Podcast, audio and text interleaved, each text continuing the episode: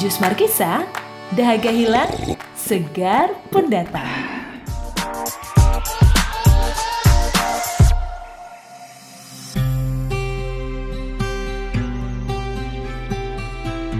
Hai Juicers, ketemu lagi dalam Jus Markisa. Mari kita syalalalala. Bersama saya Susan Wibowo. Ya, kali ini kita sudah menginjak di episode yang keempat sebagai lanjutan dari episode ketiga. Jangan besar pasak daripada tiang. Di episode sebelumnya, kamu sudah belajar tentang tiga langkah untuk mengelola keuangan secara baik dan benar. Masih ingat kan ya ketiga langkah itu? Satu, tentukan tujuan secara spesifik, baik spesifik dalam hal waktu, deskripsi maupun nominalnya. Yang kedua, harus mulai rajin ya untuk mencatat pemasukan dan pengeluaran agar kita bisa tahu di posisi mana keuangan kita. Langkah yang ketiga adalah kita harus mulai merencanakan pengeluaran dan pemasukan kita, tujuannya untuk menambah porsi savings dalam rangka mencapai goals. Dan di episode keempat ini, kita akan masuk ke langkah yang keempat. Sudah siap ya dengerin langkah keempat? Yuk kita panggil nih Mbak Esther Dian Fajareni, Divisi Treasury Bank Negara Indonesia. Oke, kita tiba di langkah keempat dalam pengelolaan keuangan, yaitu eksekusi kita tetapkan kapan kita mulai untuk menjalankan rencana kita. Dan yang terpenting di langkah keempat ini adalah kita harus komitmen dan disiplin dalam menjalankannya. Dan dalam rentang waktu tertentu, jangan lupa untuk selalu mengevaluasi apa yang sudah kita kerjakan. Ya, langkah yang keempat ini nih yang penting banget yaitu eksekusi. Untuk apa kita merencanakan macam-macam? Untuk apa kita mencatat pengeluaran pemasukan sampai rinci sedetail apa pun kalau kita nggak pernah mau mengeksekusi? Jadi mulai ya, jangan cuma merencanakan tapi mulai, oke? Okay? Nah, terus gimana ini Mbak Esther? Biasanya kendala-kendala apa aja sih yang muncul dalam pengelolaan keuangan itu? Kalau menurut saya, kendala orang Indonesia dalam mengelola keuangan itu sebenarnya hanya ada dua. Yang pertama memang karena belum tahu, jadi memang masyarakat Indonesia ini kurang dibekali edukasi mengenai pengelolaan keuangan sejak dini. Dan ini berakibat pada pola spending yang cenderung fokus ke barang-barang konsumtif atau sifatnya hanya untuk memuaskan keinginan saja. Sementara juga di sisi lain karena kita tadi tahu hanya 25% orang dewasa yang memiliki tabungan di institusi finansial, itu seperti mengindikasikan bahwa tingkat kepercayaan orang Indonesia ke institusi finansial seperti bank itu relatif masih rendah. Nah ini masalah pertama dari kenapa kok agak susah mengelola keuangannya. Sementara yang masalah kedua, yang kendala yang kedua, itu adalah kurangnya disiplin. Nah, sebenarnya kurang disiplin ini adalah masalah semua orang. Nah, kenapa kok orang bisa nggak disiplin? Ya, karena mungkin satu faktornya goalsnya tidak jelas. Goalsnya tidak jelas dan meskipun goalnya jelas, kompromi juga gitu. Kompromi artinya dalam e, mengeluarkan uangnya itu dia misalkan untuk spending dulu, baru membayar utangnya belakangan, savingnya belakangan.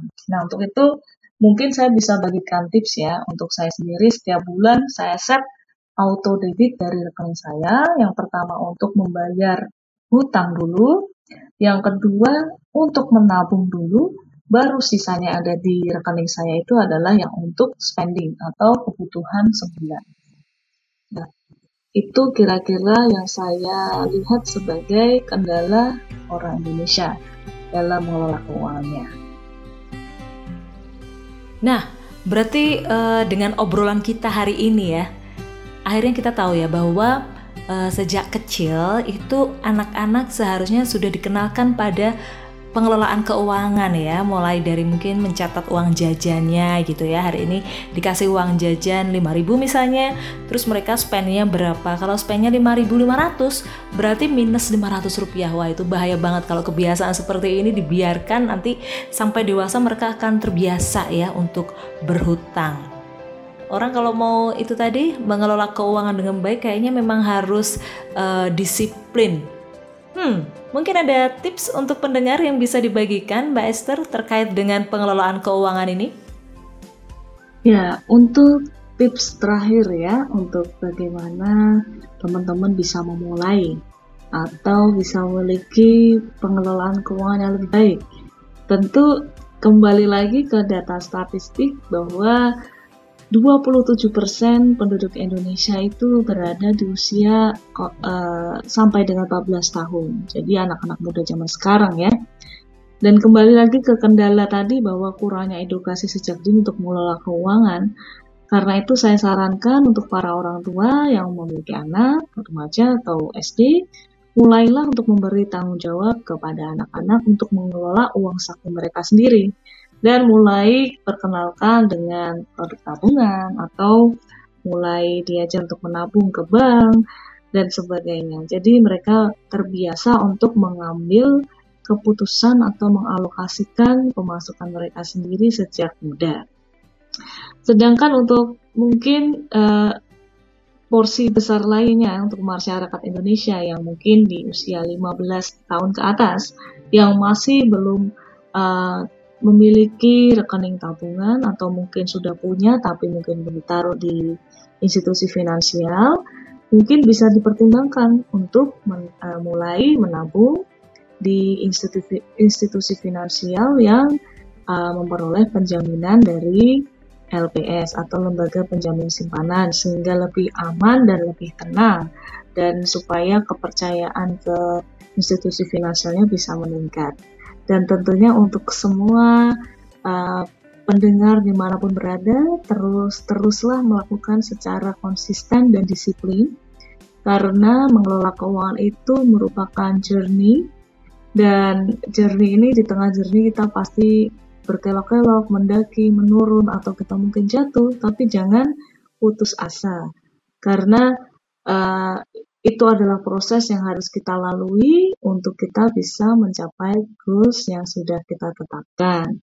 Dengan ini semua harapan saya masyarakat Indonesia itu semakin melek finansial dan menjadi lebih cerdas dalam mengelola keuangannya. Terima kasih.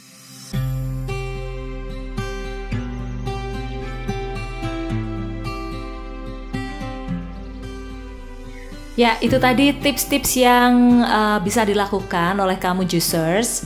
Jadi yang saat ini sudah mengalami kesulitan keuangan, jangan uh, malas atau jangan pusing ya. Harus jernihkan dulu pikiran, jernihkan dulu pikiran, jangan fokus ke masalah ruwetnya keuangan itu tapi coba diurai satu demi satu uh, permasalahannya itu letaknya di mana.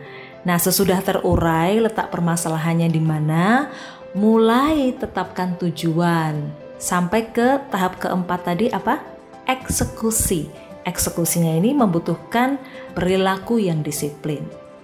Terus yang apa yang baik-baik saja ya, nggak ada masalah dengan keuangan, tetap harus uh, ngecek lagi internal ada nggak goals-goals yang belum tercapai atau mungkin malah belum coba untuk investasi ya masih pada tataran menabung itu bisa dipikirkan ulang, dievaluasi lagi. Sesuaikan dengan goals baru yang ingin dicapai. Sip banget. Semoga tips-tips dari Mbak Esther ini bisa dijalankan oleh juicers ya. Sehingga harapannya tadi keren banget itu harapannya. Dengan melek finansial, maka kita akan semakin cerdas untuk mengelola keuangan, dan ujung-ujungnya adalah hidup kita menjadi sejahtera. Sampai di sini Jus Markisa berbagi kesegaran. Semoga mencerahkan ya untuk juicers yang mendengarkan. Kita akan ketemu di episode berikutnya. Terima kasih untuk Mbak Esther Dian Fajar ini yang sudah berbagi kepada kita semua hari ini dan kita akan berjumpa di episode berikutnya.